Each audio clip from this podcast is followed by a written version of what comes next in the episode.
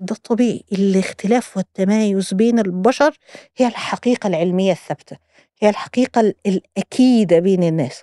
فمحاولة إننا نقيس بعض كلنا على مسطرة واحدة المفترضة دايما بقول في المشاعر وفي العالم الداخلي للإنسان وفي أفكار الإنسان المفروضات قليلة جدا. إحنا للأسف في مجتمعنا بنميل أكتر شوية إنه المفروض تحس بهذا الشكل المفروض تشعر في هذا الموقف المفروض تفكر بهذه الطريقة. الحقيقة المفروض هو مين اللي بيقول المفروض؟ الله سبحانه وتعالى فقط هو اللي من حقه يفرض علينا هو اللي يعلم نفوسنا يعلم خلقنا. والله سبحانه وتعالى أعطانا مساحة كبيرة جدا من الاختلاف وأعطانا آه، مساحة للتمايز. في ردود الأفعال حتى مثلا الجنة ليها أبواب مختلفة ففي حد باب الصيام وحد باب القرآن. يعني الله عز وجل أعطانا الحق في هذا الاختلاف. ليه بقى إحنا كبشر نقوم رافعين عن بعض هذا الحق ونصر أن يجب أن يكون ردود أفعالنا واحدة وطريقتنا واحدة وتفاعلاتنا واحدة؟ أي شيء إنساني يمكن التحدث عنه. وأي شيء يمكن التحدث عنه يمكننا التحكم فيه بشكل أكبر. فعندما نتحدث عن مشاعرنا تصبح أقل إيلاما أقل إزعاجا وأقل رعبا. وبإمكان الأشخاص الذين نثق بهم أن يساعدوننا في معرفة أننا لسنا وحدنا. طول الوقت بنتكلم عن الصدمات التروما بداية من أحداث بسيطة عابرة وصولا لأحداث كبيرة وضغوطات عنيفة ممكن تترك آثار مستمرة ومزمنة علينا لفترات طويلة إيه هي الصدمات؟ إيه أنواعها؟ إيه أعراضها؟ إزاي أعرف إن أنا مريت بصدمة أو لأ؟ وهل الصدمة بتختلف أو بتفرق لو حصلت لي أنا بشكل مباشر أو حصلت لشخص تاني وأنا تعاطفت معاه وتأثرت بيه؟ النهاردة في حديثنا مع دكتورة نهى قاسم طبيبة نفسية ومؤسسة جمعية سكينة للطب النفسي ودعم ضحايا الصدمات والأزمات. في اسطنبول هنحاول في حوار هادي ومفتوح إن إحنا نجاوب على الأسئلة دي. وكمان هنحاول نتطرق لفكرة الحصانة النفسية إزاي نتعافى من الصدمات وإزاي نكون وقاية أو حصانة نفسية. أنا شيماء عبد الخالق وده بودكاست ملاذ أتمنى لكم متابعة طيبة. ازيك يا دكتور؟ الحمد لله يا رب تكوني بخير دايما. الحمد لله. طول الوقت إحنا بقى عمالين نسمع على فكرة ده فلان ده جاله تروما وده عنده صدمة. أه حد اتأخر على ميعاد فجاله تروما بسبب إن هو استنى كتير و... أو حد اتعرض لموقف صعب. إيه هي قصة ال trauma أو الصدمة؟ بتحصل إزاي؟ ونقدر نعرف إن دي صدمة ولا مش صدمة إزاي؟ طيب خلينا آه يعني إحنا مش هندخل في تعريفات علمية دقيقة بس خلينا نفرق بين المسبب الضاغط اللي في حياتنا وما بين الصدمة. الصدمة هي أو ال trauma يعني كلمة trauma أو كلمة صدمة دي هي رد الفعل اللي بيحدث داخل الإنسان من تأثر نفسي نتيجة تعرضه تعرضه لمسببات ضاغطة في حياته. تمام؟ ده التعريف البسيط كده للصدمة يعني. طيب هل كل تعرض لموقف ضاغط يسبب صدمة؟ لا الحقيقة لا.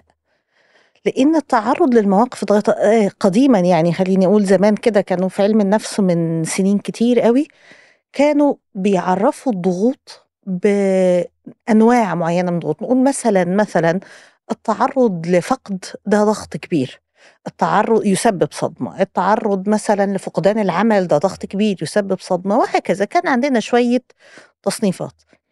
الحقيقة إن مع تقدم علم النفس اكتشفنا إنه الكلام ده مش منطقي. لأننا كنا بنلاقي ناس تتعرض لما نسميه ضغوط كبرى تسبب صدمات وتلاقيهم مروا في حياتهم دون آثار الصدمات. وناس تانية ممكن تتعرض لمواقف أبسط شوية لكن نلاقي عندها آثار الصدمة وإحنا كنا مسميين دي ضغوط بسيطة أو ضغوط صغرى يعني. فالحقيقة هذه التعريفات اتلغت تماما أصبح التعريف الجديد للضغوط بدل بقى ضغوط كبرى وضغوط صغرى إن الضغط هو الحالة اللي بيحصل فيها عدم اتزان ما بين متطلبات الموقف اللي الإنسان بيمر بيه وما بين كفاءته وقدراته. بمعنى إن ما فيش موقف اسمه موقف مسبب للصدمة وموقف غير مسبب للصدمة. يعني ال- الكلمة دي ما بقيناش نقدر نقولها بأريحية زي زمان.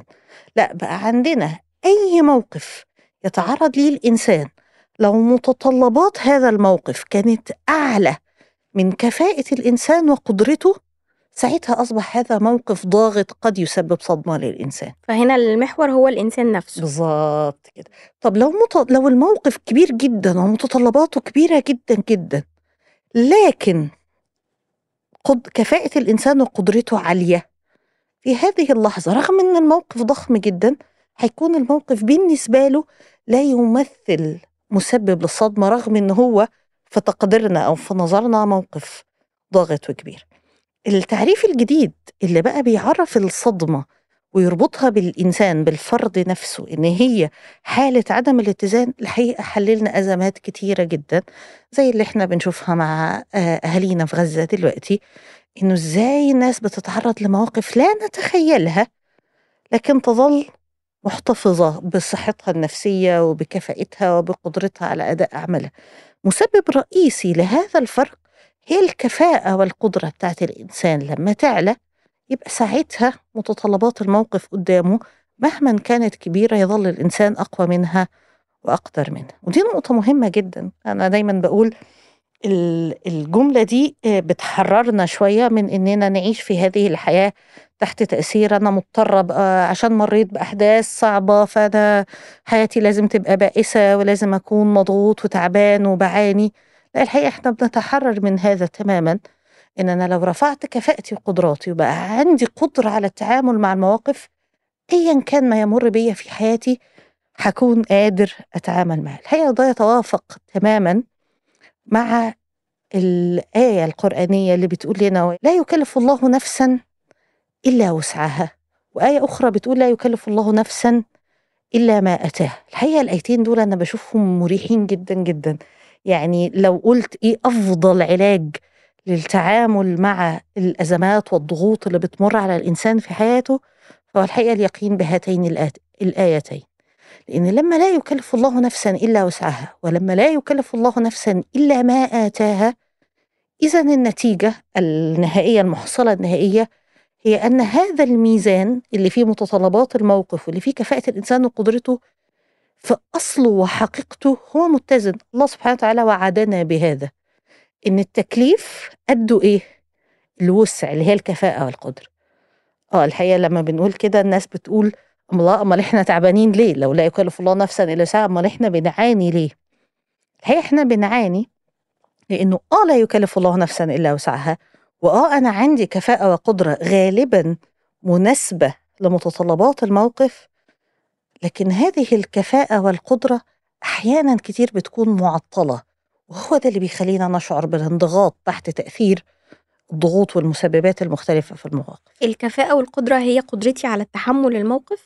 قدرتي على التعامل مع الموقف مش, مش مجرد التحمل. التحمل قدرتي على التعامل معاه.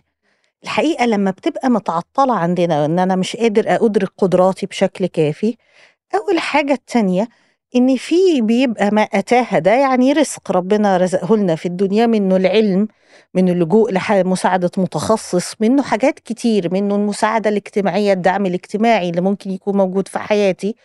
لما أنا أتوقف عن استخدام ما أتاني الله سبحانه وتعالى في هذه الدنيا من رزق من الدعم الاجتماعي اللي ممكن يكون موجود في حياتي من متخصصين من علم من أسباب مختلفة من تكنولوجيا من أيا كان لما توقف عن استخدام ده ساعتها هيحصل إيه؟ هتعلى متطلبات الموقف عن كفاءتي وقدراتي اللي أنا في الحقيقة عطلتها. الحاجة التانية اللي برضو أحيانا بتحدث هذا الخلل وهي برضو نقطة مهمة جدا ومن الأسباب الرئيسية لشعورنا بالانضغاط في الحياة وتأثرنا بالصدمات بالشكل المبالغ فيه. زي ما قلتي اللي بقى الإنسان طول ما هو ماشي عمال يتعرض لصدمات صدمات صدمات طول الوقت. هو إنه أحيانا كتير بنسيء تفسير الموقف فنراه في أكبر من حجمه. فهي متطلبات الموقف دي فيها برضو شقين.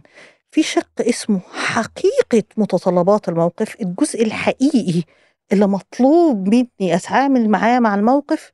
وفي جزء تاني ساعات إحنا بنبالغ ونسيء تفسير إيه المطلوب مننا في هذا الموقف. فن... فنحط على نفسنا حمل أكبر من الموقف نفسه. فتكون النتيجة طبعا إن كفاءتي وقدرتي ببقى برضو أقل من ال- التضخيم اللي أنا عملته للموقف. طيب ال- التفسير ده مش برضو جزء من مهاراتي الشخصية؟ طبعا. فده جزء من السعة كمان. بالظبط كده. مم. طبعا. هو جزء من مهاراتي الشخصية وهو جزء في جزء آه، آه، مهم جدا اسمه ال- التوجه النفسي بتاعي تجاه التعامل مع الحياة. وده الجزء اللي الحقيقة لما دايما بنتكلم عن العلاقة مع الله سبحانه وتعالى وعن الإيمان إن بنقول إن ده بيحله بشكل رئيسي في حياة الإنسان. يعني زي ما إحنا شايفين آه، آه، ال- الأطفال والشباب والناس اللي في غزة بيتعاملوا مع مواقف عصيبة جدا جدا. ال- الحاجة اللي مثبتاهم فيها واللي مساعداهم يتعاملوا معاها واللي مدياهم جزء كبير من الطاقة إنهم قادرين يفسروا هذا الموقف في إطار يخلي ضغط الموقف أبسط. يعني التوجه النفسي اللي الإنسان بيتعامل بيه مع المواقف حواليه هو جزء رئيسي من إن أنا بستقبلها إزاي. فبستقبل مثلا يمكن توجهي النفسي اللي يكون مضخم من حجم الأمور المادية في حياتي زي مثلا إن سيارتي تكون شيء غالي جدا عليا. وحاطط لها حجم كبير جدا فيوم ما افقدها تتحول إلى ضغط شديد في الحياة. ليه؟ عشان أنا توجهي تجاه التعامل مع فقد السيارة كان متعظم أو متكبر. أو لو توجهي تجاه السيارة أني بستخدمها كأداة. هي ليست شيء عظيم في حياتي لكن أداة بتسهل علي جزء من الحياة. فيوم ما أفقدها أبقى فقدت أداة فشايفها في الموضع ده حاططها في المكان ده. فيبقى ساعتها رد فعل جسدي والحالة اللي تصيبني عندما أتعرض لموقف ضاغط أفقد فيه هذه السيارة هو أن أنا بتعامل بقدر أقل. ده لا ينفي الألم خليني برضو أقول لأنه لما بنقول إنه هي حالة الاتزان معناها أن الموقف تطلب مني تحريك لكل طاقتي وكفاءتي وقدراتي. فطبيعي إن جزء من ده هو أنا بشعر بالألم.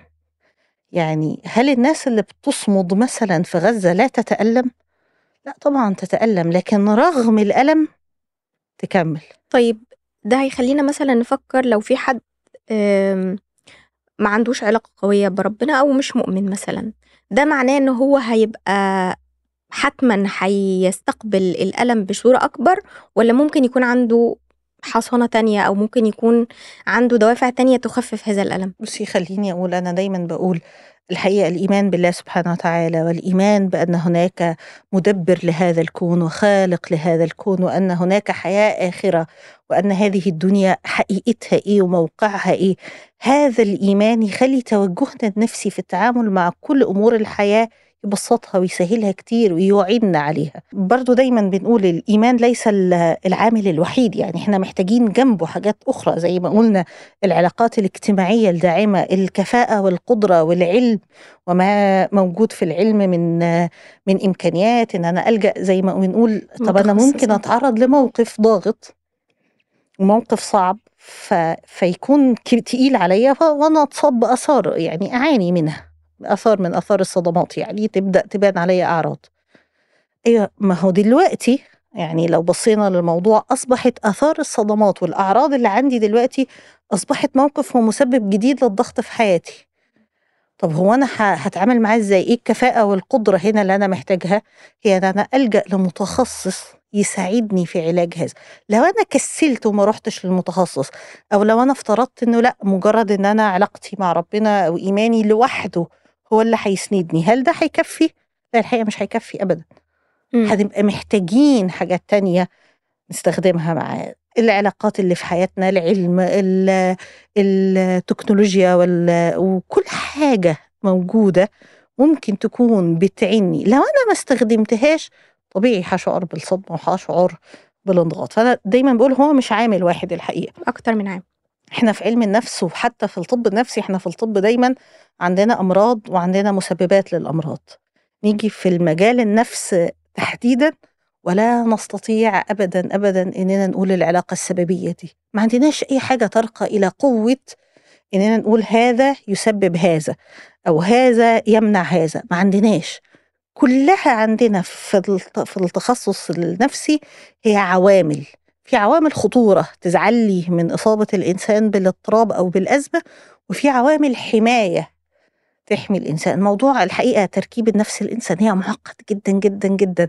والنظريات اللي بتتكلم في علم النفس بتحاول تفكه دايما وتبص للجزء البيولوجي في الجسم مع الجزء النفسي والمتعلق بالمشاعر والأفكار وتبص للجزء الاجتماعي والعلاقات اللي في حياة الإنسان والبيئة اللي بيتعرض ليها. لقينا إن كل الحاجات دي مع بعضها بتحدث نتيجة. فإحنا لو مسكنا حتة واحدة واشتغلنا عليها ده مش كفاية. طب لو رجعنا بقى للكلام عن الصدمات آه وإنه بتختلف المسببات لكن في النهاية ليها درجات أو ليها آه مستويات معينة. بنقدر نشوف إزاي الفرق بين صدمة والتانية أو نقدر نصنفهم إزاي؟ إن ده الشخص مثلا مصاب بصدمة قوية جدا وده ضعيفة ولا بتتقسم إزاي؟ الحقيقة إحنا عندنا أنواع مختلفة من التقسيمة بتاعت الصدمات أو ما بعد الصدمات أو الآثار بتاعت التعرض الإنسان للضغوط. في عندنا تقسيمات بتعتمد على الزمن مثلا. فنعتبر أن الصدمة المفاجأة اللي لسه حاصلة حديثة خلال الأيام الماضية لحد أقصى آه، 28 أو 30 يوم بنسميها صدمة حادة يعني حاجة حديثة.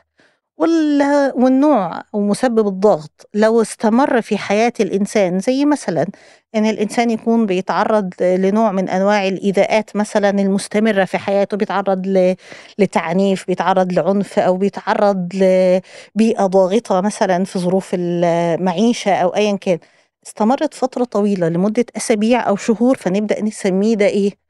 ده ضغط مزمن فسبب آثار ضغوط مزمنة أو صدمات مزمنة وهكذا. فساعات يبقى تصنيفنا حسب الزمن اللي الإنسان يتعرض فيه للمسبب الضاغط وأحيانا نصنفها حسب المسبب الضاغط. هل المسبب الضاغط اللي سبب هذه الصدمة مثلا كان مسبب مسبب جسدي زي إن الانسان تعرض لمرض مثلا تشخيص حديث بمرض أو مرض مفاجئ زي مثلا انتشار وباء الكوفيد مثلا أو وباء الكورونا لما انتشر في العالم أو تعرض مثلا لتشخيص بمرض آه، شديد مثلا زي السرطان مثلا أو حاجة زي كده. فيبقى ساعتها الآثار على الإنسان أو السبب الضاغط على الإنسان كان سبب جسدي أو تعرض مثلا لحادث مثلا فأصابه إصابات جسدية حاجة من النوع ده. واحيانا يكون المسبب الضاغط مسبب نفسي مسبب شعوري إن الإنسان يتعرض لنوع من حتى الإيذاءات النفسية حاجة زي التنمر مثلا اللي بيتعرض لها بعض الأطفال أو آه، إن حد يكون مثلا والكبار برضو. والكبار صحيحة. أو حاجة شبه كده تؤثر على مشاعر الإنسان فيبقى ساعتها المسبب عاطفي أو شعوري وأحيانا يكون المسبب مثلا اجتماعي زي إن الإنسان ي- يفقد حد مثلا أو يحصل أزمة في علاقة حميمة موجودة في الحياة حاجة من النوع ده. فالمسببات نفسها قد تكون مختلفة الزمن قد يكون مختلف ونقطة تانية مهمة جدا بيفرقوا فيها أو بنفرق فيها في أنواع الصدمات ما بين إن الإنسان تعرض بشكل مباشر للمسبب الضاغط أو للمسبب بالصدمة أو نوع تاني هو إن الإنسان ما تعرضش تعرض مباشر.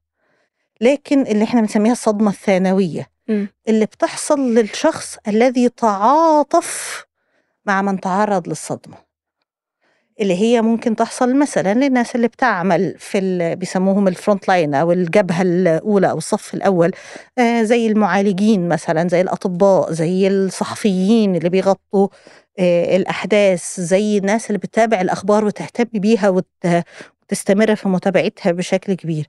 أي حد من الناس دي اللي بتبقى بتمارس نوع من التعاطف مع اللي حصل صدمة الجهات اللي بتبقى مسؤولة عن رعايتهم المنظمات الإنسانية الناس بتعمل في الملفات الحقوقية وهكذا. كل هؤلاء معرضين لما نسميه الصدمة الثانوية غير هو مباشر غير مباشرة هو لم يتعرض للموقف الضاغط لكن هو تعامل بتعاطف عالي مع شخص تعرض لهذا الموقف الضاغط.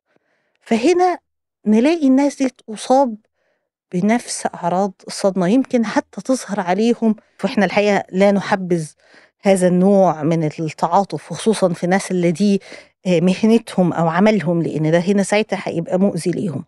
لو أنا حطيت نفسي مكانه فبدأت أتخيل هذه الآلام اللي هو مر بيها وقيسها على كفاءتي وقدراتي. إيه اللي هيحصل؟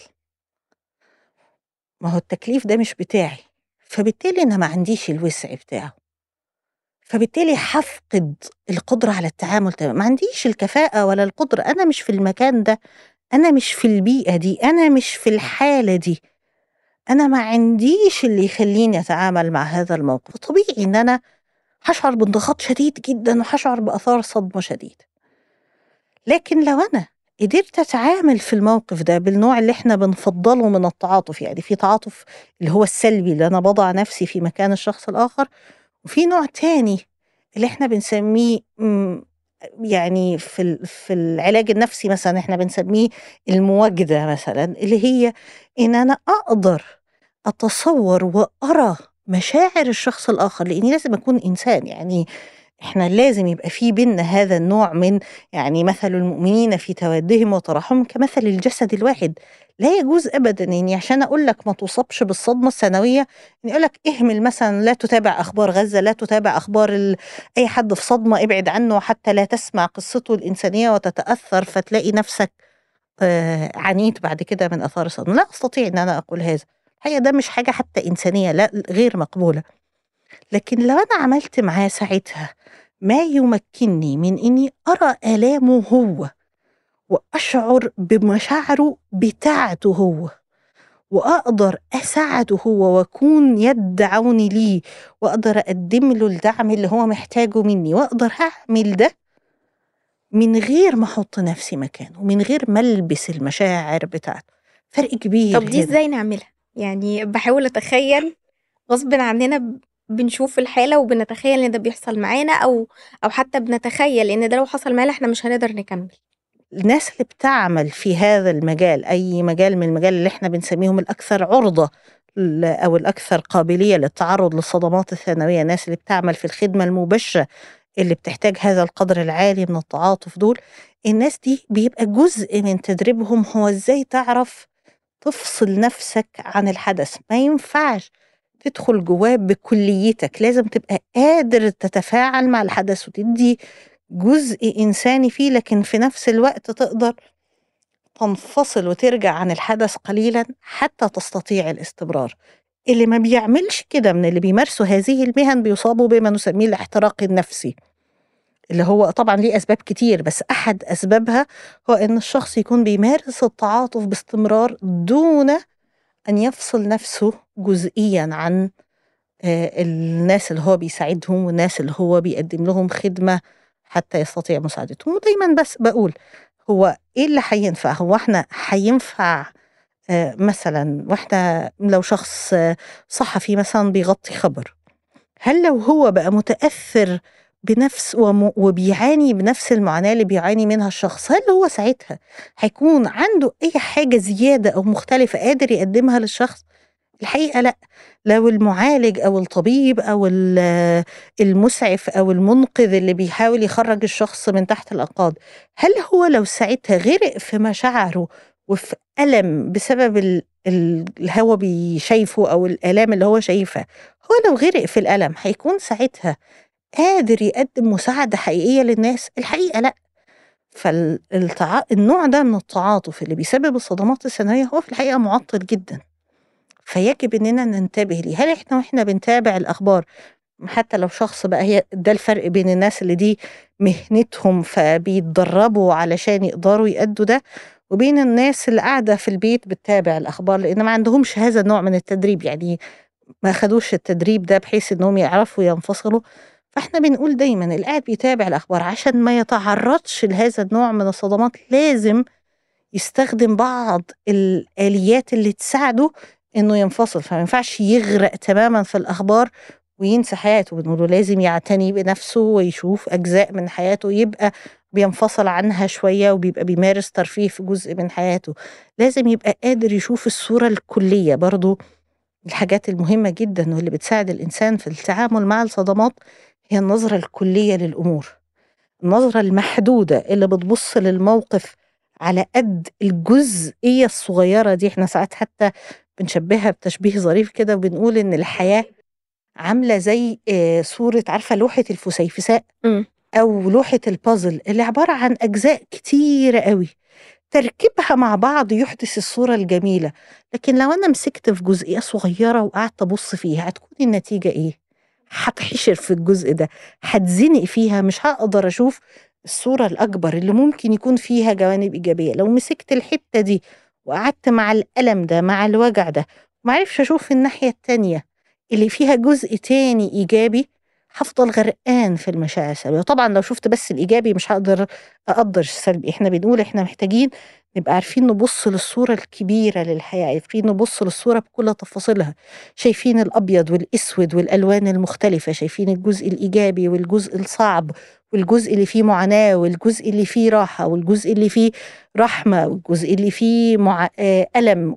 وشايفين المعاني مكتملة مع بعضها في الصورة هتلاقينا أكثر هدوءا وأكثر اتزانا وأكثر قدرة على التعامل مع الأحداث بهذا طيب الشكل. هو ممكن نفصل أكتر في موضوع الصحفيين بس أنا حابة آه، الأول أتكلم في موضوع الأعراض إيه الأعراض اللي الإنسان يقدر يحس يصنف من خلالها أو يشخص من خلالها إنه ده الشخص ده عنده آه، آه، صدمة ثانوية يعني هي نفس الأعراض بتاعة الشخص اللي أصيب بصدمة عشان كده بقول لحضرتك هي نفسها بالظبط. إحنا بنقول إنه في بعض الأعراض ما بعد التعرض للضغوط ال- اللي تسبب هذا النوع من من المعاناة أو هذا النوع من صدمات أي ضغط الإنسان يمر بيه في بعض الأعراض وجودها لفترة قصيرة طبيعي جدا. لكن استمرارها في الزمن هو اللي فيه أزمة. يعني إحنا حتى عشان كده بقول الألم وجوده لا يعني الاضطراب أو لا يعني المرض الإنسان لو اتجرح فنزف دم هذا دليل على الصحة ليس دليل على المرض. طبيعي إن الإنسان لما يتجرح ينزف دم. ده, ده, ده رد فعل طبيعي للجسم. آه، حاجة زي مثلا ارتفاع درجة الحرارة. ارتفاع درجة- درجة الحرارة دليل على إن الجسم بيقاوم لكنه عرض بيأذينا بيضغطنا بيتعبنا بيسبب لنا آلام. لكن هو في نفس الوقت جزء من الصحة بتاعت الإنسان. فإحنا بنتعامل مع الآلام النفسية والمعاناة اللي الإنسان ممكن يمر بيها عند التعرض لضغوط بنفس المنطق. إن أنا لما بمر بموقف صعب أو بموقف زي الفقد أو بموقف ضاغط أو موقف من المواقف اللي تسبب أي نوع من أنواع الضغوط لما أحس بشوية تعب بعدها إذا أنا إنسان طبيعي. لما أحس بشوية مشاعر آه زي الحزن زي الخوف زي القلق زي الغضب ايا كان نوع المشاعر اللي أنا حاسسها لما أحس قدر منها اذا أنا إنسان طبيعي. إمتى نقلق أو إمتى نخاف أو إمتى نحس إننا دخلنا في اضطراب؟ لما هذه المشاعر تسيطر عليا. تبقى موجودة طول الوقت تبقى هي اللي بتسوق حياتي يبقى هي اللي بتحركني.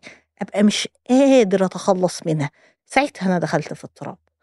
فإحنا قدر من المعاناة طبيعي ومقبول. يعني الإنسان لما يمر بموقف آه، تعرض فيه الخطر مثلا طبيعي إن جسمه بيفرز آه، آه، هرمونات زي الأدرينالين الهرمونات اللي هي بتاعة الضغوط اللي هي بتاعة رد فعل المواجهة أو الهروب اللي الإنسان محتاج يتعامل ساعتها. فطبيعي إن ضربات القلب تزيد إن الضغط الدم يبقى يعلى في المخ معدل التنفس يزيد. لفترة محدودة هذا الرد الفعل هو رد فعل إيجابي جدا مفيد جدا عشان ينقذ حياة الإنسان. لكن لو استمر فترة طويلة كده إحنا دخلنا في اضطراب بمعنى إن الزمن إحنا دايما بنقول للناس لما تتعرض للضغوط أو لما تتعرض للصدمات حتى الإسعاف ال- النفسي اللي بنسميه المبادئ الإسعاف النفسي الأولي هي اننا بنقول للناس بعد الصدمات إيه؟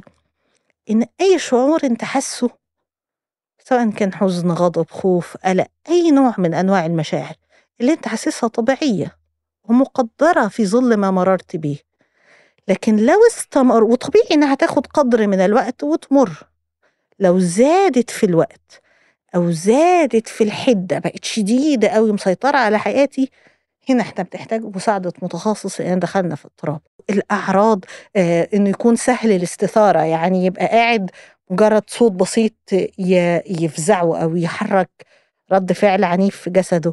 مثل هذه الأعراض كلها بقدر ما وقت الصدمة طبيعية جدا ومفيدة لكن لو استمرت فترة طويلة أو زادت حدتها جدا يبقى إحنا برضو هنا دخلنا في الاضطراب. في مثلا من ضمن الأعراض اللي بتيجي للناس بعد الصدمات الحاجة اللي إحنا بنسميها الفلاش باك أو الومضات أو إعادة المعايشة للذكريات.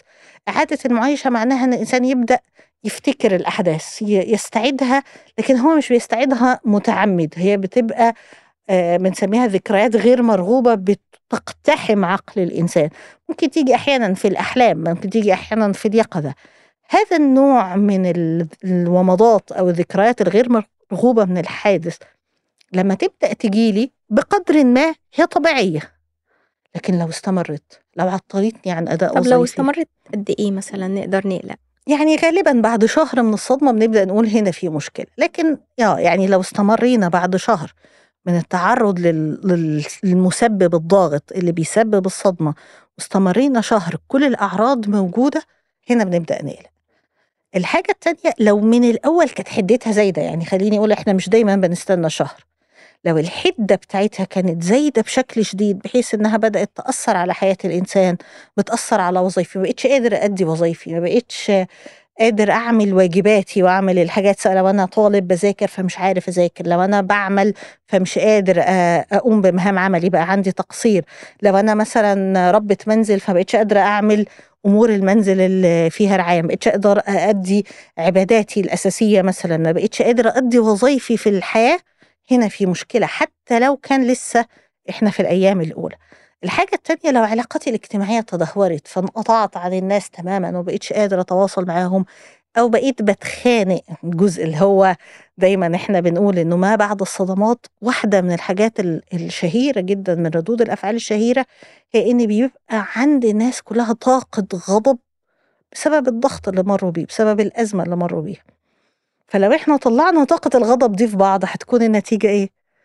أنا عندي شوية غضب وأنت يا شيماء عندك شوية غضب فنتقابل مع بعض فانا اطلع غضبي عليكي وأنت تطلعي غضبي عليا فبعدها إيه؟ هنختلف هتحصل بينا أزمات. فتتأثر العلاقات الاجتماعية بشكل جوهري وبشكل كبير في حياتي. هنا أيضا ده عامل خطر أو يعني جرس إنذار كده يقول لي إن هنا في مشكلة. فإن المشاعر السلبية تبقى قوية جدا جدا أو مسيطرة على حياتي أو هي اللي بتسوقني إن الذكريات أو الومضات اللي بتجيلي عن الحادثة تبقى مبالغ فيها وتفضل مستمرة بشكل بيعطلني بي- بيأخرني عن الحياة إن ردود الفعل الجسدية تفضل مستمرة أو تزيد عن حدها لحد ما القلب يبدأ يتأثر وضغط الدم يبدأ يرتفع وهكذا. ده برضو عنصر مهم. إن أنا تبدأ وظيفي وأدائي لوظيفي في الحياة تتأثر علاقاتي الاجتماعية تتأثر. لو عندي حاجة من دول يبقى أنا هنا دخلت في أعراض الاضطراب اللي ساعتها أنا محتاج إيه محتاج متخصص, متخصص. يساعدني علشان أتخطى هذه الصدمة أو هذه الأزمة أو استمرت معايا من الزمن فترة أطول من الطبيعي فيبقى كده برضو حتى لو هي مش حاد قوي لكن مستمرة فمأثرة شوية على وظيفي ما بقتش بنفس الكفاءه أو بنفس القدرة يبقى إحنا برضو هنا ساعتها محتاجين زيارة شخص متخصص يساعدنا يعني. آه، هنا كمان ممكن آه، نتكلم على فكرة إن تبقى في صدمة في أسرة ويحصل للزوج مثلا الأولاد صدمة غير مباشرة بسبب تأثرهم بحد بأحد أطراف العائلة فهنا بتبقى البيت كله صحيح. صدمة منوع يعني ما شاء الله فبيكون عامل إزاي الحقيقة إحنا أنا؟ بقول دايما نادرا لما بتأتي الحقيقة الصدمات فرادى أو يعني تأتي الأوجاع فرادى غالبا لما بتحدث أي أزمة أو صدمة في حياة إنسان غالبا هي ما أثرتش عليه لوحده حتى مثلا لو مرض أصابه حتى لو حاجة جسدية أصابته غالبا آه، أول دايرة والدايره التأثير الأولى هي دايما بتكون الأسرة. لو في حالة فقد فكلنا في الأسرة عندنا نفس الفقد. لو مثلا حد أصيب في حادث فكلنا عندنا اللي هي الصدمة السنوية أو التعاطف مع الشخص. لو في حد لو مثلا فقد عمله لو في حاجة ايا كان عادة أول دايرة تأثر كبيرة دايما بالصدمات الثانويه دي اللي هي دايرة الأسرة. إحنا حتى إلى درجة إننا ما بنعتبرهاش ثانويه قد ما هي هو ده أصلا جزء من الصدمة. فطبيعي وعشان كده مهم جدا إحنا دايما بنقول هذه الثقافة آه، إحنا إحنا بنتكلم النهارده في هذا الموضوع وهذه الثقافة يجب أن تنتشر وإننا نتعرف على إيه هي الأعراض اللي الناس بتمر بيها عند التعرض للضغوط؟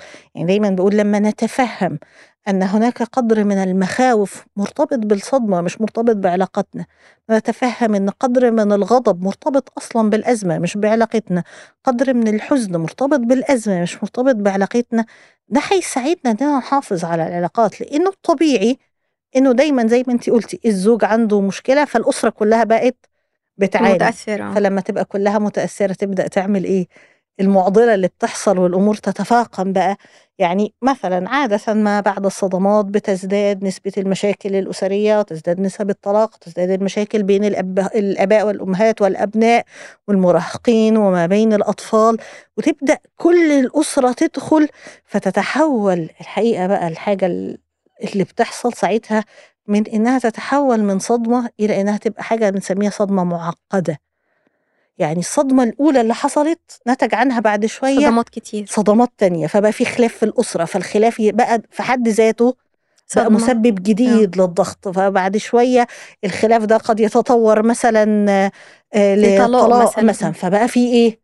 مسبب جديد للضغوط وهكذا وتفضل تتفاقم الأمور وتتعقد فوق بعضها حاجة زي الحروب مثلا إحنا بنتعامل مع الحروب باعتبارها صدمات معقدة آه، مش مجرد إن في حرب ده في حرب وفي فقدان وفي إصابات وفي ظروف بيئية مختلفة وهكذا طيب بخصوص.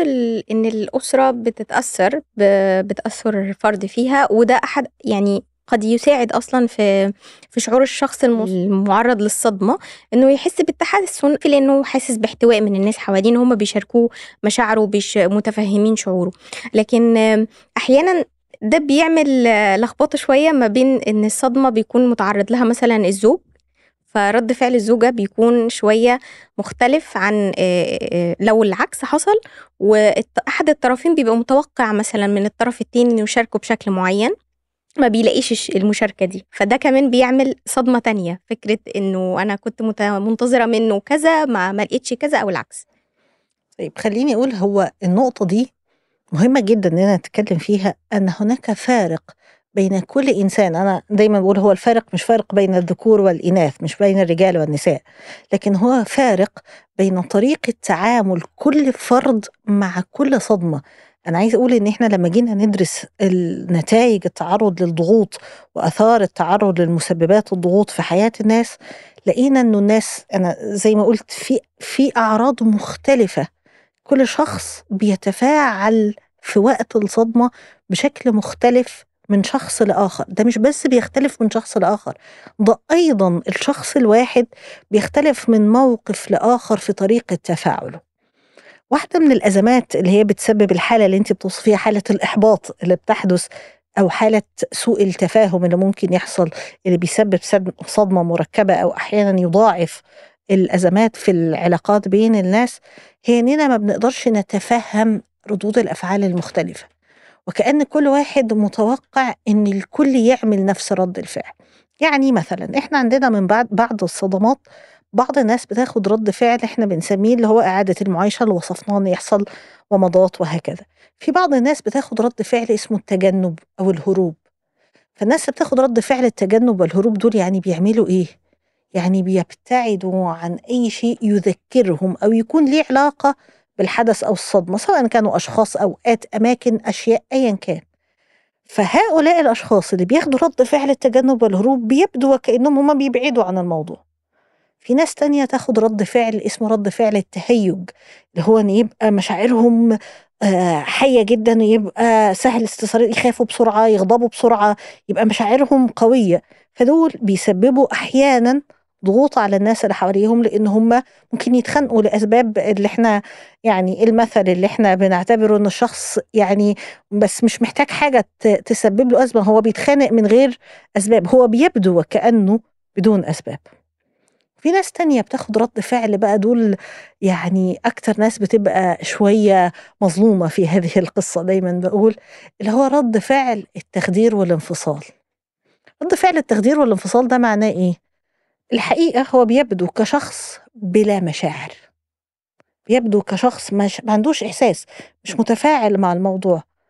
خالص مفيش إحساس. هو بيتعامل مع الموضوع بشكل عقلاني بحت جدا جدا ومفيش مشاعر خارجة منه. بيبدو لينا وكأنه مش متألم ما عندوش مشكلة ده مش بيعاني. لكن الحقيقة إحنا بنقول اللي يعرف ما وراء رد فعل التخدير والانفصال ده الحقيقة هو أن الشخص من حجم الألم فصل الفيشة فصل الكهرباء تماما. هو شخص من كتر ما الألم شديد جواه ما قدرش نفسه تتعامل معاه فاضطر إن هو يقفل خط المشاعر ينزل المشاعر خالص ما تبقاش موجودة خالص. فالحقيقة هو شخص متألم لكن طريقته في التعاطي مع الألم هو إنه يبعد عنه تماما وكأنه مش موجود ويتلاشى اللي بيحصل بقى في الأسر لما بتمر بالصدمات إن كل شخص بياخد رد فعل مختلف. فاللي واخد رد فعل التهيج ده عامل لنا مشاكل وعمال يتخانق. اللي واخد رد فعل آه، إعادة المعايشة عمال يتكلم عن الموضوع ومبالغ فيه وضاغط على الشخص اللي بيحاول يعمل تجنب وهروب. فتجنب وهروب ده مش عايز يقرب من الموضوع خالص. بتاع التخدير والانفصال باين لنا وكأنه إيه؟ مش متابع. مش متابع مش هنا أصلا. فنلاقي مثلا المنزل الواحد مثلا خليني أقول نضرب على آه، آه، مثلا متابعة أخبار غزة وإحنا موجودين دلوقتي. في شخص قاعد قدام نشرة الأخبار مش بيفوت خبر. وفي شخص تاني عايز مش عاي... مش قادر يسمع صوت الأخبار. اللي مش قادر يسمع صوت أخبار ده بيحاول يعمل تجنب وهروب. وشخص تالت بقى قاعد مشغل أغاني ولا الأخبار شغالة وهو باين عليه إن هو إيه مش موجود هنا خالص ومش متأثر. الردود الأفعال المختلفة دي لما نفهمها بنعذر بعض فيها. بنقدر نتفهم إن كل واحد بيعبر بطريقته المختلفة. فلما نتفهم إن كل واحد بيعبر بطريقته المختلفة نتفهم آه، كل واحد فينا محتاج شيء مختلف علشان يتعافى عشان يمر من الصدمة دي ومن الأزمة دي. والفرق زي ما بقول مش بس فرق بين الذكور والإناث لا ده الفرق بيبقى من شخص لشخص والشخص نفسه من موقف لموقف. يعني تلاقيني في موقف ما أخدت رد فعل في موقف تاني أخدت رد فعل تالت.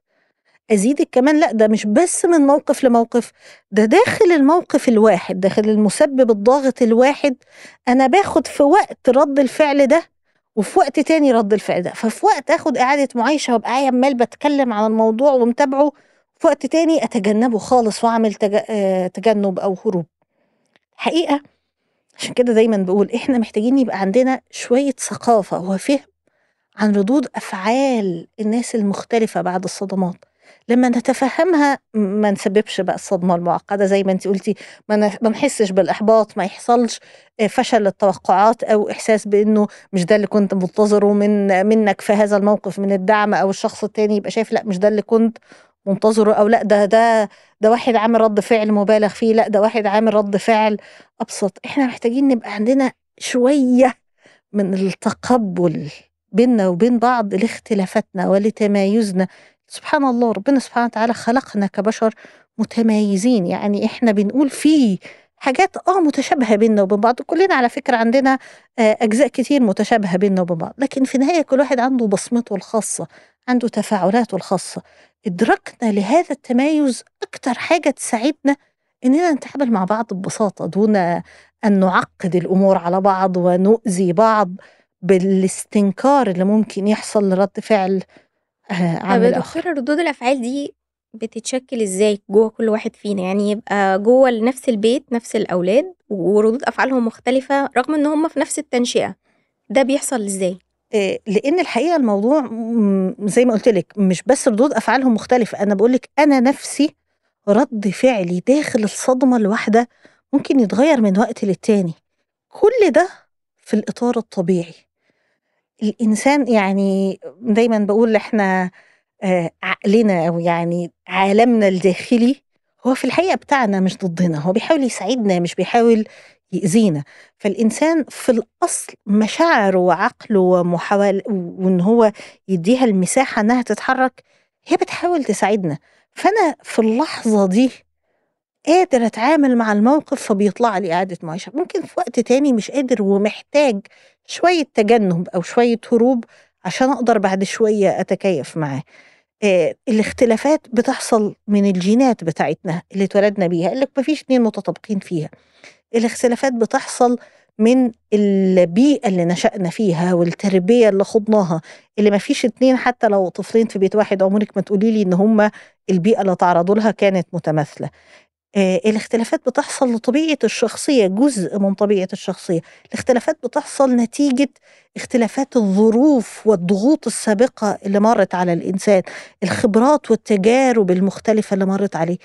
كل هذه الأشياء لما نبدأ من أول البداية اللي بقولك من أول الجينات بتاعتنا اللي بتأهلنا أو بتجهزنا لشيء وبتبعدنا عن شيء من أول هنا في اختلاف. كل ما يليه أيضا في اختلاف. إحنا حتى لما بنيجي نحاول نعمل بعض الدراسات مثلا على التوائم المتطابقة علشان بيبقى الفرق الجيني بينهم ضعيف جدا أو يكاد لا يذكر يعني يبقى في قدر عالي من التطابق في الجينات ما بينهم بنلاقي إن كل العوامل الأخرى مختلفة متربيين في نفس البيت في نفس البيئة لكن واحد شعر في هذا الموقف بشعور والتاني شعر بشعور آخر. ده الطبيعي. الاختلاف والتمايز بين البشر هي الحقيقة العلمية الثابتة. هي الحقيقة الأكيدة بين الناس. فمحاولة إننا نقيس بعض كلنا على مسطرة واحدة المفترضة دايما بقول في المشاعر وفي العالم الداخلي للإنسان وفي أفكار الإنسان المفروضات قليلة جدا. إحنا للأسف في مجتمعنا بنميل أكتر شوية إنه المفروض تحس بهذا الشكل المفروض تشعر في هذا الموقف المفروض تفكر بهذه الطريقة. الحقيقة المفروض هو مين اللي بيقول المفروض؟ الله سبحانه وتعالى فقط هو اللي من حقه يفرض علينا هو اللي يعلم نفوسنا يعلم خلقنا. والله سبحانه وتعالى أعطانا مساحة كبيرة جدا من الاختلاف وأعطانا آه مساحة للتمايز. في ردود الأفعال حتى مثلا الجنة ليها أبواب مختلفة ففي حد باب الصيام وحد باب القرآن. يعني الله عز وجل أعطانا الحق في هذا الاختلاف. ليه بقى إحنا كبشر نقوم رافعين عن بعض هذا الحق ونصر أن يجب أن يكون ردود أفعالنا واحدة وطريقتنا واحدة وتفاعلاتنا واحدة؟ غير منطقي وغير موافق للفطرة الإنسانية اللي ربنا خلقنا عليها. طب ده معناه إنه آه في بعض المجتمعات أو بعض الثقافات مثلا عندها استعداد أكتر لحدوث الصدمة غير المباشرة وفي مجتمعات تانية لأ أو ثقافات تانية لأ عندها خلينا نقول مقاومة أو حصانة أكبر. بتفرق مجتمعيا وثقافيا؟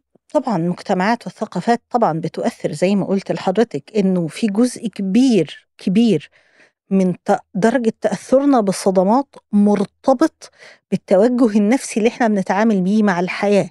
فالثقافة اللي فيها تعظيم مثلا من حالة الفقد تعظيم للموت مثلا وصعوبة لتقبله مفيش إدراك لليوم الآخر مثلا مفيش إدراك إن في حياة أخرى هذه الثقافة أكيد تقبل الموت فيها حيكون أصعب من ثقافة تانية بتدرك أن هناك يوم آخر وهناك حياة بعد آخرة وفي جنة وهكذا.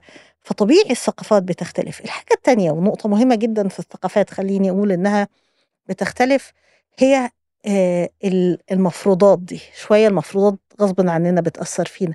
المعتقدات يعني دايما بقول من من الأزمات الشديدة في مجتمعاتنا العربية بعض الأفكار اللي بننشأ عليها وتترسخ وكأنها معتقدات للأسف بتاخد حجم المعتقد الديني وهي ليس لها أي علاقة بالدين.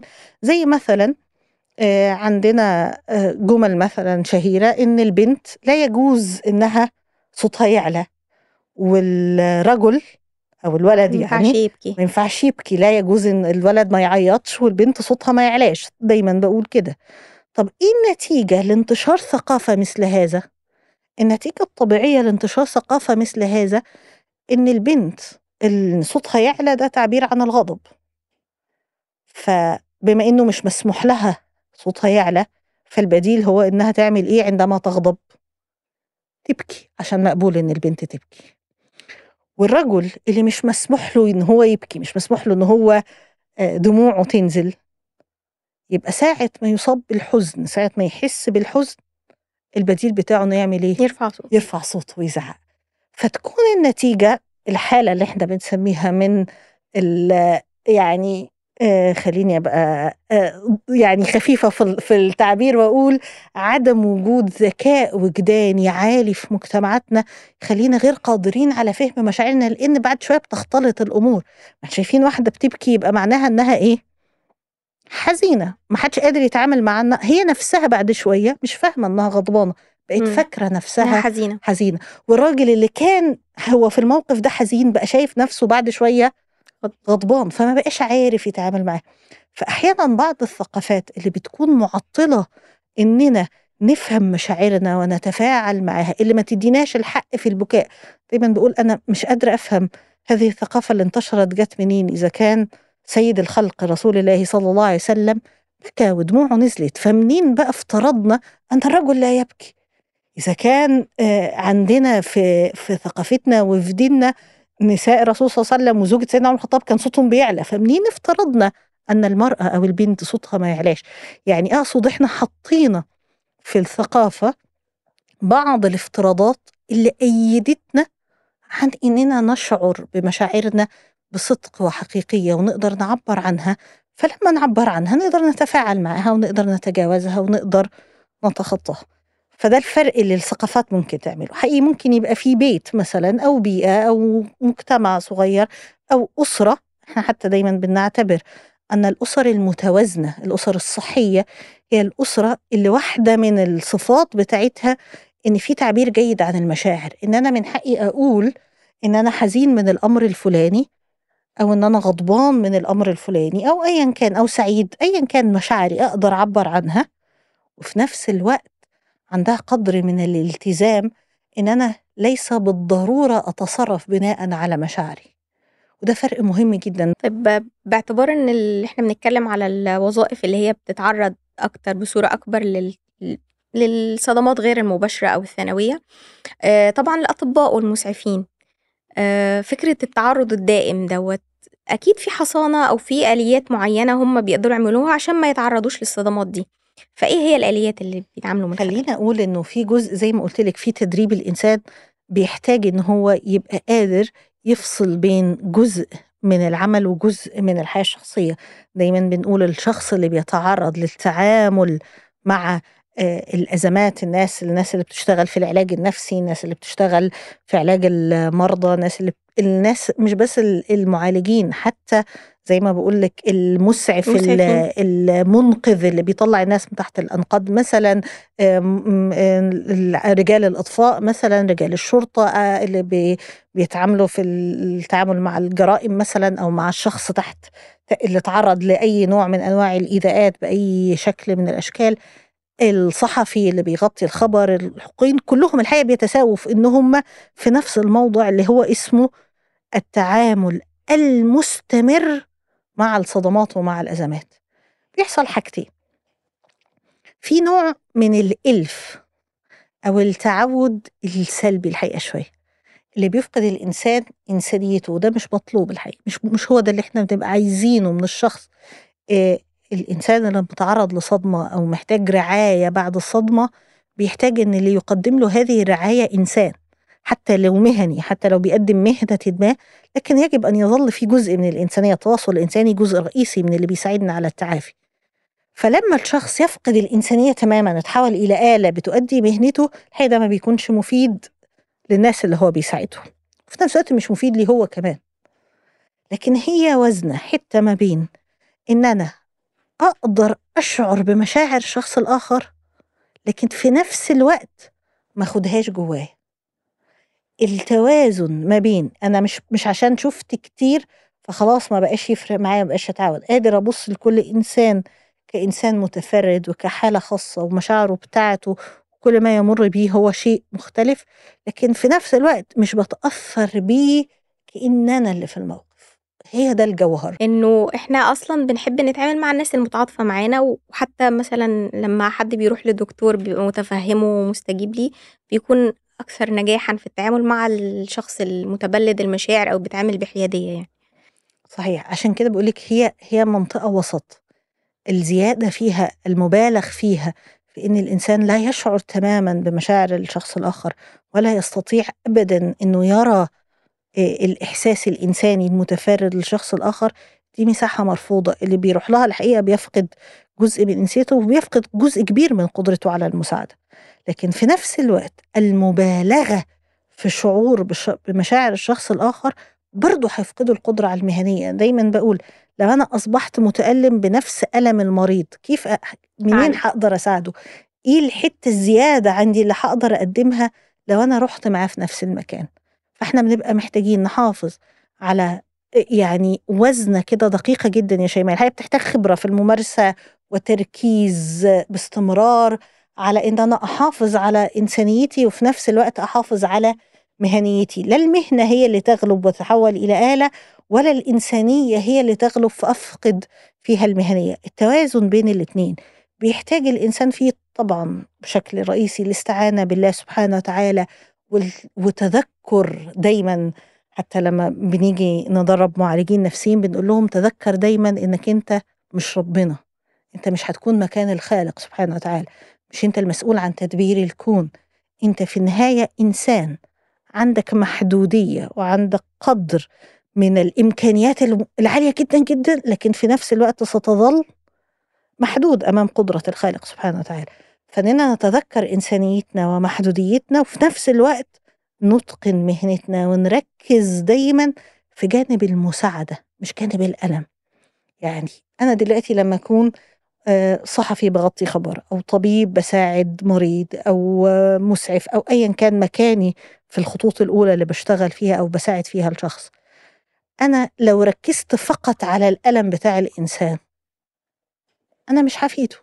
لكن لو ركزت على نوع المساعدة اللي هقدر أقدمها مع إدراك لألمه أنا كده هقدر أعمل حاجة إيجابية. أنا كده هقدر أحس حتى أنا نفسي بمشاعر إيجابية عند هذه المساعدة. بما إن إحنا بنتكلم دلوقتي على إنه أحيانا الشخص بيكون مدرك دوره آه وإنه هو في مثلا ناس محتاجاه آه فقد تكون المهنة أحد الحاجات كمان ال- اللي بت بتساعد الإنسان على الحصانة. آه إنه لا أنا ورايا مسؤولية أو ورايا واجب أعمله. إيه تاني ممكن تكون الدوافع اللي بتخلي الإنسان آه يعني بيقاوم أو بيحاول إن هو يفصل نفسه عن الوقوع في التأثر المباشر بالصدمات. يعني خليني أقول أنا لو هلخصهم هلخصهم في ثلاث محاور رئيسية. المحور الأول زي ما قلنا العلاقة بالله سبحانه وتعالى وإدراك محدوديتي كإنسان وإدراك رحمة ربنا في الكون وتدبيره للكون وال... والإدراك إنه لا يكلف الله نفسا إلا وسعها وإن الشخص عنده هو هذه القدرة. ده محور الجزء المتعلق بإيماني وعلاقتي بالله سبحانه وتعالى. ده جزء. الجزء الثاني هو التركيز على المهنية والتركيز على المساعدة والتركيز على الدور الإيجابي اللي بقدر أقدمه في حياة الشخص ده ده المحور الثاني هقول لك إن يبقى المحور الثالث هو العناية بالنفس.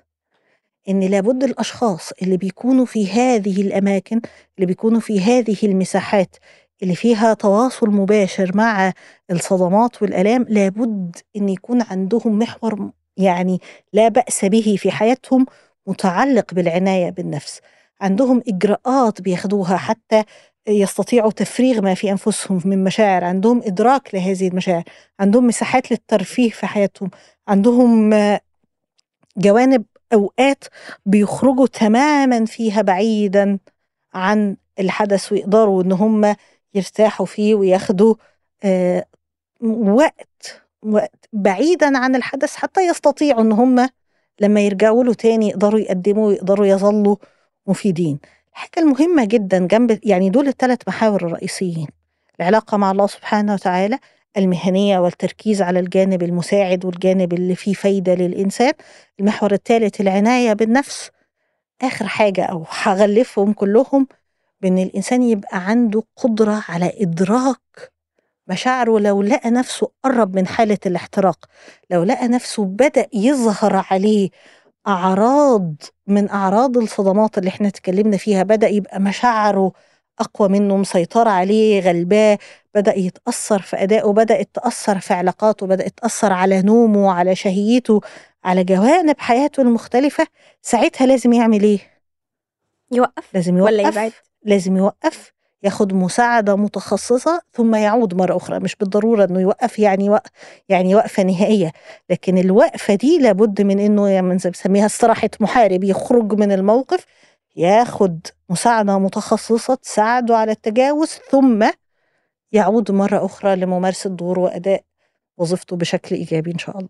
آمم، بافتكر إنه ب ب ب بخصوص الكلام عن الاحتراق النفسي ومتابعتنا للأخبار، باحس إنه أغلب الردود أفعالنا ما بتكون ما بين اتنين، إنه في ناس بتتفرج على الأخبار وبتتذكر مثلًا يعني ب بمشاهد القصف في غزة آآ، سواء بقى مصريين أو سوريين بيفتكروا مثلًا قصف أو ناس بتفتكر إن هي اتهجرت من بلادها أو الاغتراب، آآ، فبتعاد تاني الدوامة بتاعة الصدمة من أول وجديد، أو إنه حد يكون بيحس إنه ياه! دول بيشوفوا كتير أوي أنا مش مهما شُفت عمري ما كنت هاوصل لهم ولا هاوصل لصبرهم وأنا ألمي إيه ييجي جنب ألمهم، ففي مثل عندنا في مصر اللي يشوف بلاوي الناس تهون عليه بلوته، ال ردين الرد الرد الأفعال ال ردود الأفعال الاتنين دول آآ، بيعملوا أزمة، فكرة إن أنا مصدوم وباعيد تكرار الصدمة أو إن أنا باكبت مشاعري وباحرم نفسي حتى من إن أنا باشوف ألمي على قدّه، آآ، إيه الصح لمّا أحس إن أنا باشوف بقى حاجة من دول؟ بتحصل معايا، أتصرّف إزاي؟ طيب خلّيني أقول يمكن نقطة وإحنا بنتكلم عن مسببات الصدمات عدّينا فيها شوية، هي نقطة الصدمات السابقة في حياة الإنسان، سألتيني إيه الأسباب اللي ممكن تأثّر في في تأثير الصدمة وتغيّرها، كان واحد منها هي الضغوط السابقة اللي مرّت في حياة الإنسان، الضغوط السابقة اللي مرّت في حياة الإنسان غريبة جدًا، أحيانًا تكون يا شيماء مفيدة، بمعنى إن كوني مرّيت بتجارب سابقة بصدمات وضغوط كتيرة، يخلّيني في المرّة ال50 مثلًا عندي متانة نفسية وقوة نفسية وأقدر أتعامل بشكل أفضل مع الصدمة، وأحيانًا مرور 50 صدمة عليَّ يخلّيني تحمّلت حاجات كبيرة أوي، أوي، وآجي في المرّة ال50 وتبقى القشة التي قسمت ظهر البعير ويحصل لي إيه، وانهار فيها. إيه الفرق بين الاتنين؟ إيه اللي يخلّي تراكم الضغوط السابقة مفيد في في في مرونتي النفسية ومتانتي وصلابتي وقوتي، وإيه اللي يخلّي تراكم الضغوط مؤذي؟ هي نقطة جوهرية اسمها التعافي السابق من الصدمات. لو أنا صدماتي السابقة لم أتعافى منها، لم أخوض رحلة تعافي، لم أعطي نفسي حقها في التعافي من الصدمات السابقة، هتكون الصدمات السابقة للأسف ضدي، وهيحصل اللي أنتِ قُلتيه أفضل أستعيد الحاجات السابقة وأتألم منها. لو أنا الصدمات السابقة أخدت فيها رحلة تعافي جيدة وتعافيت معاها وأنهيت الأزمات الغير محلولة و وتعاملت معاها لحد ما خرجت منها بشكل إيجابي، هيكون ساعتها الصدمة الجديدة أخف. النقطة دي جوهرية لإني دايمًا باقول كل الصدمات بتمُر. كل حاجة صعبة في حياتنا كده، كده بتمُر، لكن المفتاح هنا هي مرّت وهي سايبة ندبات داخلي لم تن لم تندمل، فمع كل جرح جديد كل الجروح تنزف مرّة واحدة، والّا هي مرّت وأنا خ اديتها حقها في التعافي، فلمّا باتعامل النهارده أنا الجروح السابقة مقوياني مخلّياني قادر أتعامل. يعني ممكن حد يبقى متخيل إن هو متعافي وممارس حماته حياته بشكل طبيعي وبشكل ناجح يعني، بس لسه التروما عنده أو الصدمة ما طبعًا، اتعافتش. طبعًا إحنا بنقول كل الصدمات بتمُر، كل الأزمات بتخلص وبتكمّل الحياة، لكن الفكرة كمّلت إزاي؟ كمّلت بعد ما اديت نفسي أسباب التعافي الأولاني، فكمّلت بشكل إيجابي والّا كمّلت وأنا شايل تُقل على ضهري أو ندبة داخلي، ندبة جرح بينزف كده نزيف بطيء، تيجي صدمة جديدة تخلّي النزيف يزيد. هو ده الفرق بين الاتنين، بين التعافي الحقيقي اللي بيحصل من الصدمات أو مجرد مرور الوقت على الصدمات، الحقيقة الوقت جزء من العلاج، مرور الوقت بيخلّي حاجات كتير عدِّت علينا سابقًا ممكن نبقى شايفين إنها خلاص مرّت.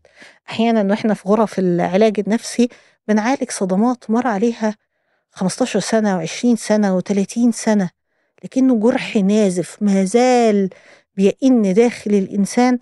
هو لم يتعافى منه بشكل صحي، فالنتيجة إنه عم عمّال يعمل كده كل شوية ومضة، ومضة، الإنسان يسكّتها ويعدّي، الوقت عدّى والزمن مَر والتجربة خلصت ومَر بتجارب جديدة ونجح في حياته في حاجات وعمل حاجات، لكن ما زال أثرها موجود، فدي نقطة مهمة.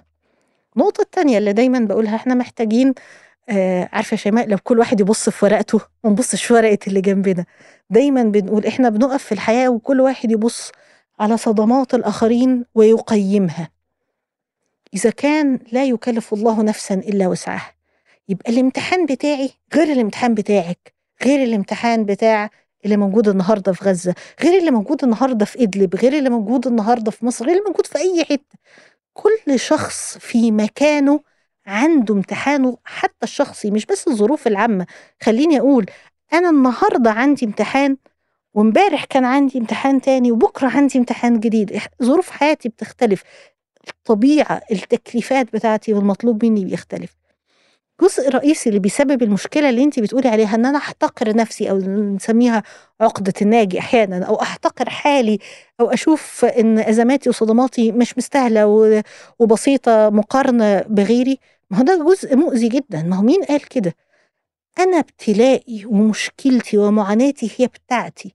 مش من حقنا ابدا لا أقارن بتاعتي بالآخرين فاشوف بتاعتي أعلى والتانيين ما عندهمش مشكلة ولا أشوف إن اللي عند حد تاني هو اللي كبير واللي عندي أنا هو اللي بسيط فيبقى مش من حقي. إن كل واحد يحترم ورقته ويبص في ورقته ويركز في حياته هو في تكليفاته هو في الدنيا ويركز هو مطلوب منه يعمل إيه هو بيمر بإيه. إدراك فردانيه وتمايز البشر مريح جدا جدا. إن أنا أبقى شايف إن اللي هناك جوه غزة اللي بيتعرض للقصف بيتعرض ل... لما لا يتخيله بشر وما لا يتصوره بشر هو بتاعه. اللي أنا بتعرض له اللي ممكن يكون صغير قوي مقارنة بده لكن هو بتاعي. أنا ركز في امتحاني وهو ركز في امتحانه. أنا مسؤول النهارده مثلا إن أنا أقدم دعم لأهلنا في غزة. الدعم اللي أنا بقدمه الحتة بتاع الحتة بتاعتي اللي المفروض أعملها في الدعم ده الامتحان بتاعي وده تكليفي. لو أنا مركز فيها وبعملها هبقى بكون في هذه الحالة مفيد للي موجود في غزة. لو أنا النهارده سبت التكليف بتاعي وسبت دوري في الدعم اللي المفروض أقدمه ودوري في المساندة ودوري في إن أنا أساعده بشيء وقعدت أركز فقط في الألم بتاعه وأقارنه وأقول أنا ما عنديش حاجة وأكتئب وأحزن ولا أبقى مش مدي نفسي الحق في إن أنا آخد أي حقوق في هذه الحياة ولا مشاعر ولا ولا أشتغل ولا أتعافى ولا ولا هتكون النتيجه إن أنا بعد شوية ضيعت دوري ضيعت هو كمان. طيب أحد كمان المشاكل الكبيرة اللي بتواجه الإعلام عموما فكرة إن هو بينقل الأخبار بالصور من قلب الحدث طبعا للتأثير على الراي العام وصناع القرار بس كمان في نفس الوقت هو بينقل لنا الصدمات بشكل مباشر. ف إزاي الإعلام بيقوم بدور إن هو يعني التاثير المباشر أو النقل المباشر للصدمات الغير مباشره خلينا نقول طبعا مما لا شك فيه الإعلام مسؤوليته إنه ياخد لقطة من الحدث ولا ياخد الحدث كله. مهم جدا إننا نبقى مدركين ده إننا نتعامل مع ما يأتينا من الإعلام بهذا المنطق إن هذا جزء من الصورة. زي ما قلنا إدراك الصورة الكبيرة إدراك الأجزاء المختلفة من الصورة يا شيماء بيخلينا نقدر نتعامل معاها. لكن الوقوف عند تفصيلة صغيرة اللي هي اللقطة اللي جات لنا من الإعلام اللي هي الصورة اللي هي اللقطة بتاعه الكفن اللقطة بتاعه الطفل المصاب اللقطة بتاعه الفقد اللقطة بتاعه الحزن. خلوا بالكم إحنا لو تابعنا حياة هذا البني الإنسان اللي إحنا شفناه في هذه اللقطة شوية من الزمن هنعرف نلاقي رحمة ربنا هنعرف نشوفه وهو بيتجاوز هنعرف نشوف قوته في حتة هنعرف نشوف ألمه في حتة برضه. يعني دايما بقول أنا ضد إننا ننقل لقطة ونكتفي بيها ونتخيل أن هذه اللقطة هي الحياة. إحنا محتاجين دايما نتعامل مع الإعلام ومع الصور على أنها لقطة مجتزأة من الصورة. في أجزاء تانية كتير بره الصورة. اللي إحنا شايفينه في لحظة صامد وثابت هو في لحظة تانية متألم وبيبكي وده لا يتعارض مع ده. مفيش مفيش تعارض ولا تنافي بين إن الإنسان يكون بيتألم في نفس الوقت يكون بيصمت بيمارس حياته وبيمارس حياته. مفيش أي تعارض بين إن إحنا نشوف الطبيب واقف ويشتغل في جو صعب جدا وفي معاناة شديدة وفي نفس الوقت وشكل وصامد وواقف وبيشتغل وبيتفاعل وفي لحظة تانية بيقعد مع نفسه فبيبكي أو مشاعره بتتحرك. لا تعارض بين الاتنين. وجود الاتنين مع بعض مكمل. المفترض إننا ننتظر من الإعلام إنه يحاول يكون أكثر موضوعية في النقل وإن هو ينقل الصورة بطرفيها وبكل تفاصيلها فيبقى فيها مساحة أوسع شوية فيبقى بيدينا آه، آه، دايما رسالة الصمود مع رسالة الألم مع رسالة الإنسانية والمشاعر الطبيعية يعني يبقى الصورة مكتملة والإعلام الموضوعي يقدر يعمل هذا بقدر ما. لكن في نفس الوقت أنا كمتابع للأخبار علي مسؤولية إن أنا دايما أذكر نفسي أن هذه فقط لقطة الحاجة التانية إن أنا أركز في ورقتي. أنا علي أعمل إيه تجاه ده؟ أنا علي دور. أنا دايما بشوف لو أنا هتابع الأخبار فقط عشان أقعد أتأثر وأتألم وأتوجع أنا مش هفيد بحاجة. حتى الحديث بتاع رسول الله مثل المؤمنين في توادهم وتراحمهم كمثل الجسد الواحد. إذا اشتكى منه عضو تداعى له سائر الجسد بإيه؟ بالسهر والحمى. السهر والحمى دول عبارة أنت عارفة الحمى؟ ارتفاع درجة الحرارة هي المقاومة. ارتفاع درجة الحرارة في جسم الإنسان هي تعبير عن استنفار الجهاز المناعي في الجسم ومقاومة المرض. ده ده معنى الحمى. فاللي إحنا مطلوب مننا مش إننا حتى الاهتمام بأمر المسلمين لما نقول إن إحنا يجب علينا إننا نهتم بأمور الأمة ونهتم بأمور بعض. الاهتمام ليس الهم. الاهتمام يعني يكون فعل إيجابي ليس فقط شعور سلبي. آه طبعا يجب إن إحنا نشعر وندي نفسنا هذا الحق في الشعور بس ما نقفش عند هنا. مجرد ما نساعد زي ما قلتي في وقت إن جزء رئيسي من اللي بيساعد الناس المهنيين ويحميهم من السكندري تروما دي أو من الصدمة الثانوية هو انهم بيقدموا دور إيجابي. فلو كل حد بيتابع الأخبار قدم دور إيجابي هو هنا ساعد نفسه إنه يحمي نفسه من الصدمة الثانوية بهذا الشكل. كمان بالنسبة بقى للصحفيين اللي في المكاتب واللي هم طول الوقت بيتعرضوا لإن هم بينقلوا أخبار وبينقلوا صور. احيان كتير اللي شغالين في المجال الإعلامي بي يعني مش بيستخفوا بمشاعرهم لكن بيتع... بيتعاملوا باعتبار إن هم معتادين وإن إحنا معتادين وده شغلنا وده قدرنا فما بيبقاش في مساحة كافية للتعبير حتى عن مشاعرهم إن أنا آه حزين أو متألم. واليوم بي... بيمر بشكل طبيعي ويمكن ما يكونش فيه أي آثار نفسية واضحة. لا ليهم ولا حتى للناس اللي حواليهم في البيت. آه إزاي يدركوا آه إن هم تحت تأثير نفسي وضغوطات نفسية وإزاي كمان الأهاليهم وأسرتهم تدعمهم في ده نفسيا؟ زي ما قلنا أول حاجة هقول لك نفس الثلاثه على فكرة شيماء. إن هو يدرك إزاي؟ آه إنه هو. إنسان. محدود. فيدرك إنه إنسان ويديها حقوقها. إن هو يبقى عنده مركز على الجانب بتاع المساعدة.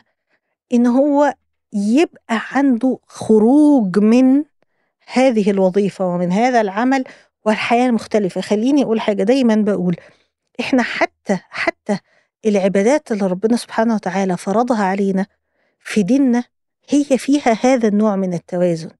الإنسان حاله لا ينصلح في هذه الدنيا. لو يعني لو حد جاء قال لي كده نلخص التوازن النفسي والصحة النفسية بكلمة واحدة هقول هي التوازن. لا إفراط ولا تفريط.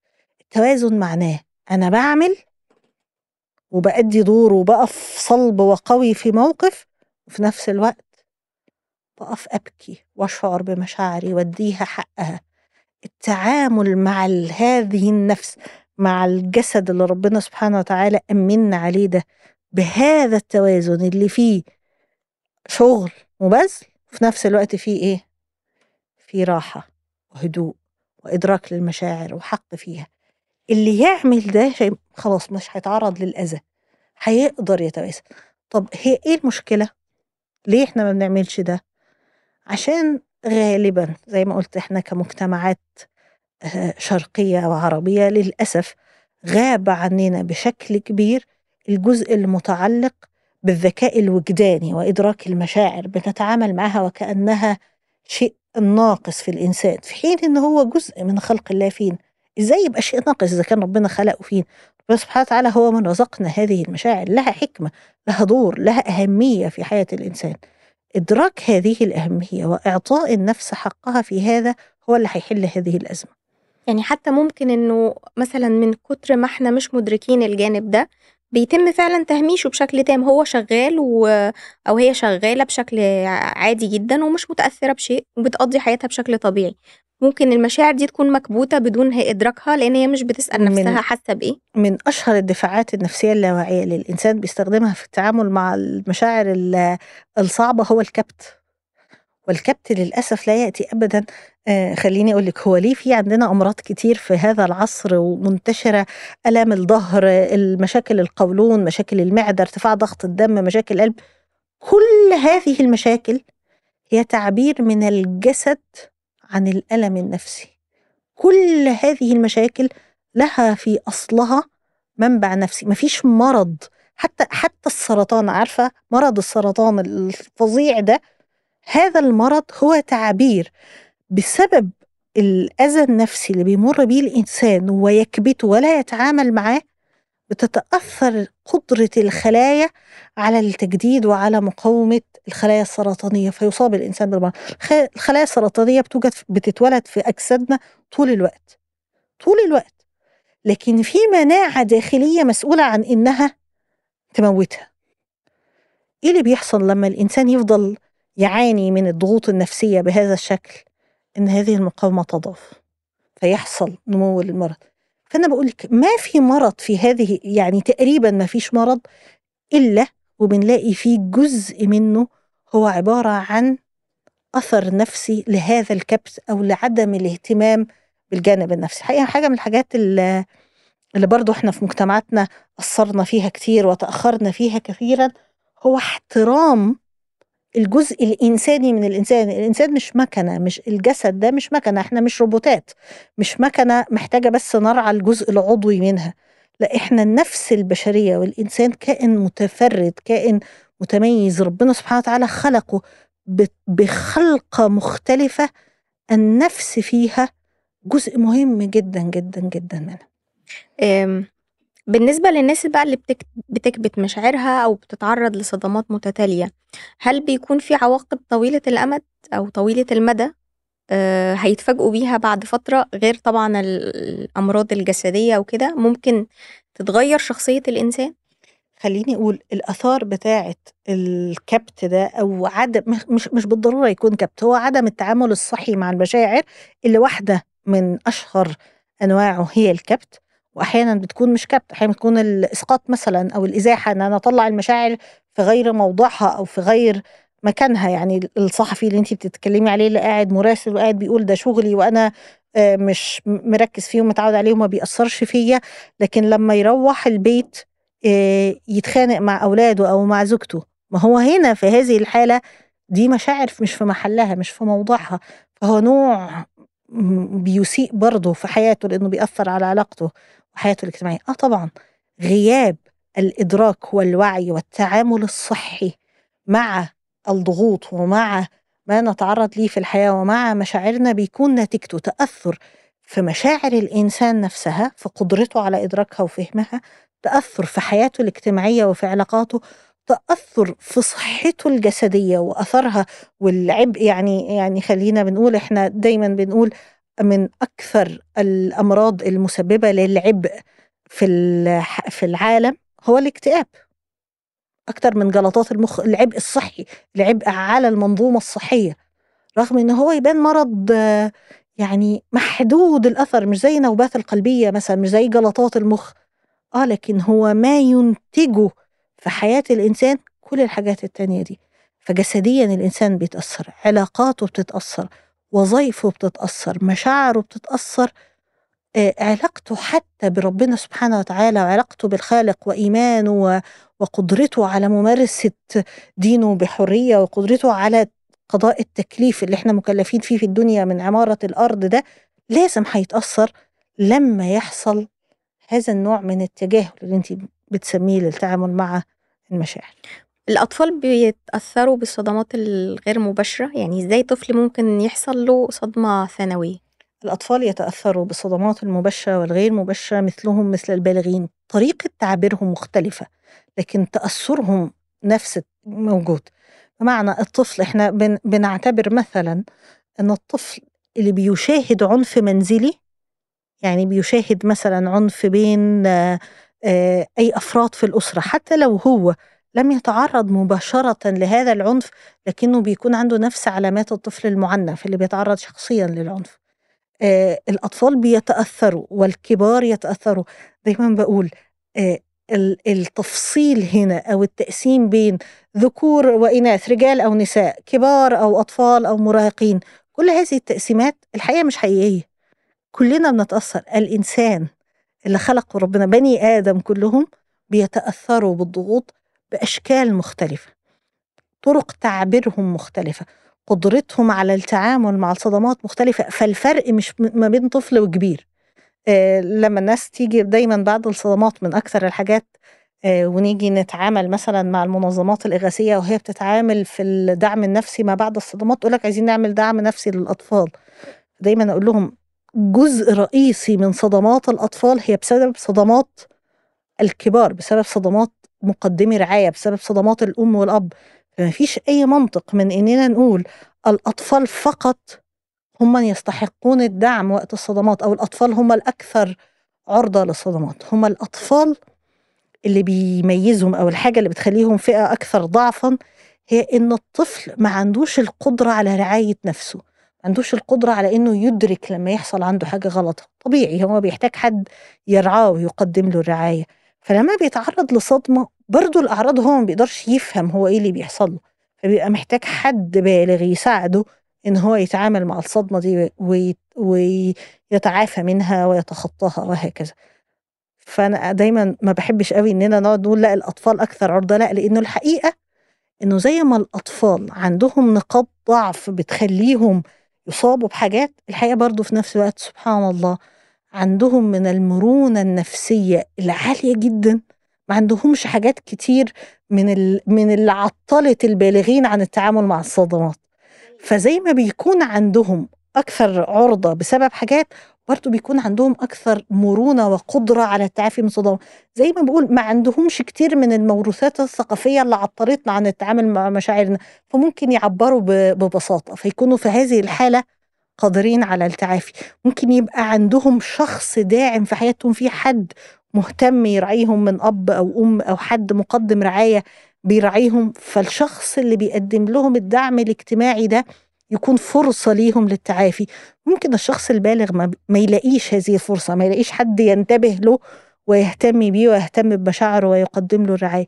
فالأطفال آه أكثر عرضة وأكثر آه ضعفا شوية في, في إن هم يجي لهم صدمات لكن في نفس الوقت عندهم إيه؟ مقومات تانية. مقومات تانية.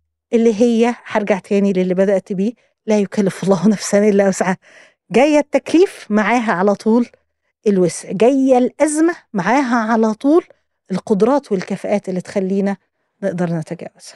يعني في النهاية هنبقى هنوصل لنقطة إنه آه في حصانة نفسية وفي عندنا الأدوات اللي نقدر نوقي بيها نفسنا ونحصن بيها نفسنا من الصدمات غير المباشرة لكن المباشرة هي قدر يعني في النهاية. لكن إن إحنا ما نوصلش لمرحلة الإيذاء النفسي بالتعاطف المبالغ فيه وبإدراك إن إحنا آه، نبص بورقتنا يعني نبقى مدركين لفكرة إنه قد يكون الشخص المعرض لهذه الصدمة عنده من السعة النفسية والكفاءة النفسية أكبر مني. آه لو برضو هنقول بقى رسالة أخيرة آه وتلخيصا للحصانة النفسية إن هي قدرة نقدر كلنا نكتسبها ومش صعبة أو يعني هي بتحتاج شوية مجهود بس مش مستحيل طيب خليني أقول أول نقطة وهي نقطة مهمة جدا إنه الإنسان لما يمر بصدمة خليني بس هختلف معاكي في نقطة آه خلي بالك الصدمات اللي تعرضت لها بشكل سنوي ما خرجتش عن القدر. ما هو لو أنا تعرضت للصدمة بشكل مباشر فده القدر بتاعي. ولو أنا تعرضت للصدمة بشكل ثانوي إن في فرد من أفراد أسرتي تعرض لها ما هو الثانوي ده هو ده القدر بتاعي أنا هو عنده قدره وأنا عندي قدري. هو عنده امتحانه ورقته وأنا عندي امتحاني. فالاتنين يدخلوا في القدر. لكن تعاملي معهم يعني ما فيش حاجة تقول إنه آه، دي أسوأ من دي أو دي أصعب من دي أو دي ينفع نتعافى منها ودي ما ينفعش. في جميع الأحوال. أي شيء الإنسان بيمر بيه مهما كانت درجته يستطيع إن هو يتعافى منه. حاجة رئيسية أو مدرسة من أقوى المدارس في علم النفس اللي بتتعامل مع التعامل مع الآلام وضغوط الحياة هي مدرسة بتتسمى العلاج بالمعنى. هي إن الإنسان المدرسة دي خرجت من رحم المعاناة يعني زي ما بيقول العالم صاحب هذه النظرية كتبها من وسط معاناة شديدة. فلما جاء وصف وقال إنه لما بيجد الإنسان المعنى وراء ألم بيتوقف هذا الألم عن أن يكون مؤلما. يظل ألم لكنه مش مؤلم. هو ده المعنى الرئيسي اللي بيساعد الناس إنها تتعافى من ألمها وتتجاوزها وتقدر تعيش معاه. المعنى الغاية والمقصد اللي وراء هذا الألم. طبعا في شروط لهذا المعنى أو لهذه الغاية علشان تكون فعالة مع صدمات الحياة المختلفة سواء كانت مباشرة أو غير م... أو ثانوية يعني. هذا المعنى يجب أن يكون أكبر مني أنا شخصيا أكبر من حياتي عشان يستحمل التضحية يعني عشان يبقى يستحق المعاناة أو الألم اللي أنا بعمله. عشان كده الناس الأكثر إيمانا والأكثر علاقة بالخالق سبحانه وتعالى الأكثر إدراكا لحقيقة الدنيا وأن هناك آخرة وثواب وجنة وهكذا. هؤلاء الأشخاص اللي مدركين لهذا ومركزين فيه وحاطين في بالهم اللي العالم كله بيتعجب مما يحدث في غزة وكيف يصمدوا هذا الحال يخلي الإنسان عنده قدرة على أن الألم لا يصبح مؤلم. لأن المعنى أكبر فكل ما ربطت المعنى اللي حياتي بتقوم عليه بقيمة عليا بحاجة زي الجنة بحاجة زي رضا ربنا سبحانه وتعالى بحاجة أكبر من أي حاجة هتكون موجودة في هذه الدنيا كل ما كان قدرتي على التعامل وتوجهي بنفسي تجاه الأزمات هيكون أفضل فلو أنا هقول روشتة في كلمة واحدة هتكون هي إيه؟ إن الإنسان يبقى مدرك لمعنى حياته ويبقى فاهمها بهذا الشكل. الحاجة التانية الحاجة المهمة جدا الإدراك للحقيقة البشر ربنا سبحانه وتعالى قال لنا وفي أنفسكم أفلا تتدبرون أفلا تبصرون. إحنا لازم نعرف أن نفسنا دي هي الميدان الرئيسي بتاعنا. وجزء من نفسنا دي اللي ربنا خلقه فينا هذه المشاعر. فإدراك مشاعرنا والتعبير عنها واحترامها وتقديرها وإعطائها حقها هو جزء من تمام مهمتنا ومسؤوليتنا عن هذه النفس. المعنى والغاية الكبرى اللي في الأمر هي جزء رئيسي إدراك حقيقتنا كبشر ومحدوديتنا أمام الخالق وفي نفس الوقت. أنا دايما بقول هي ثنائية كده لازم أن ندركها. أن الإنسان محدود القدرة أمام الخالق سبحانه وتعالى لكنه الحقيقة هو قدراته غير قابلة للحد والحصر بالمنطق البشري. الإنسان أثبت على مدار البشرية منذ تاريخ بداية تاريخ الإنسانية حتى هذه اللحظة أن الإنسان قادر على التعلم والتكيف والتعامل مع كل أنواع الضغوط وكل أنواع التغيرات وكل أنواع المؤثرات اللي ممكن تحصل في حياته. فالقدرة الكبيرة جدا جدا اللي إحنا لا ندرك محدوديتها لا ندرك نهايتها حتى هذه اللحظة إحنا لا ندرك من إمكانيات وقدرات الإنسان. دايما بنقول إحنا الأولمبيات مثلا أو البطولات الرياضية بيبقى فيها أرقام قياسية. هل يتوقف الإنسان أبدا عن كسر هذه الأرقام؟ يظل يكسرها. كل ما نقول هذه أقصى سرعة يستطيعها الإنسان نلاقي بعد شوية إيه؟ في حد قدر يعمل الأعلى منه فإدراك إننا الله عز وجل استودع فينا هذه القوة وهذه الطاقة وهذه القدرة في قضية الاستخلاف تخلينا تؤهلنا إننا نتعامل مع الدنيا وإحنا إيه؟ مطمنين وإحنا عارفين إننا نقدر نتخلص من إحساس العجز والقهر وإننا ما نقدرش ونبقى بنتعامل بقوة الشخص اللي يقدر واللي يقدر يتعامل مع أي شيء. في نفس الوقت الإيمان بالله سبحانه وتعالى يخلينا ندرك أننا أمام الخالق أمام القدر عندنا قدر من المحدودية. في قدر من الاستسلام لله سبحانه وتعالى مع قدر عالي جدا جدا جدا من القوة والقدرة الإنسانية والبشرية. المعنى وراء حياتنا إدراك مشاعرنا واحترامها إدراك حقيقتنا كبشر. إعطاء أنفسنا حقها وفرصتها في التعافي من الضغوط استخدام الموارد المتاحة. اللي واحد رئيسي منها اسمه علم النفس أو الطب النفسي أو العلاج النفسي. ما في أي مشكلة إن أنا ألجأ لمساعدة متخصصة تساعدني إن أنا أعمل إيه؟ إن أنا أتعافى من أثر الصدمات السابقة اللي مرت عليا ولم أتعافى منها أو أي تجربة موجودة في حياتي. حاجة مهمة جدا جدا سبحان الله. ربنا خلق الإنسان كائن اجتماعي. لا يستطيع الإنسان التخلي عن الآخرين. الدعم الاجتماعي والعلاقات الاجتماعية الصحية عنصر رئيسي من عناصر التعافي. إحنا دايما بنقول من أهم أسباب تعافي الإنسان من الاضطرابات وحمايته من الاضطرابات النفسية هي وجود علاقة صحية داعمة في حياته. فالحرص على إننا نكون في مجتمع بيقدم علاقات داعمة بندعم بعض في أشخاص التكافل اللي موجود عندنا في ديننا حاجات كتير قوي. إحنا عندنا تبسمك في وجه أخيك صدقة علشان ممكن ابتسامتك في وش حد تمنع عنه ألم وتساعده في حياته. عندنا حاجات كتير قوي تخلينا نقول لا يجوز أبدا إن أنا أعيش ألمي لوحدي ولا إن أنا أترك الآخرين يتألمون بمفردهم. إحنا عندنا واجبات حقوق المسلم والحقوق المسلم على المسلم واجبات العزاء واجبات عيادة المريض. عندنا حاجات كتير تقول لنا إيه؟ لا يجوز بأي حال من الأحوال إن حد فينا يعيش في هذه الدنيا لوحده بمفرده دون دعم من الآخرين. لما نوفر علاقات اجتماعية صحية في حياتنا لما نوفر إدراك لمشاعرنا وإدارة جيدة لمشاعرنا مش كبت مش مش مش إخفاء مش مبالغة في تقديرها وإن أنا هي اللي تسيطر عليا لأ إدارة جيدة لمشاعري. لما يبقى عندي معنى وغاية عالية لما يبقى توجهي النفسي تجاه الحياة إيجابي وطريقة تفكيري إيجابية لما أبقى مصدق ومقتنع إن أنا هقدر أحل المشكلات اللي بتواجهني وهقدر أتعامل معاها فأبقى بشتغل بهذه القناعة المسبقة إن أنا كده كده هقدر كده كده هقدر أتحملها. دايما بقول بعلق قدامي كده عين الآية اللي بتقول لا يكلف الله نفسا إلا وسعها فأيا كان هقدر عليها. لما نعيش المعاني دي بالتأكيد ده هيساعدنا إن الأحداث اللي إحنا بنمر بيها يكون أثرها علينا. آه تعرضنا لمسبب من مسببات الضغوط آه تعرضنا لموقف صعب لكن كانت أثاره علينا ليست صدمة نفسية كانت أثار انضغاط طبيعي.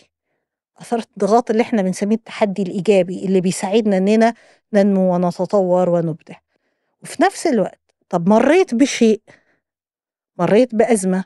حسيت بآثار الانضغاط؟ لا أتكبر عن إن أنا ألجأ لمساعدة مختص يساعدني إن أنا أتعافى منها. مش بالضرورة هحتاج دواء خلينا أقول إحنا التعافي من اثر الصدمات من آخر حاجة بنلجأ لها الدواء غالبا بنحتاج قبلها أجزاء كتير من العلاج النفسي الكلامي من الدعم الاجتماعي من توفير الأسباب اللي تساعدنا نتعافى منها.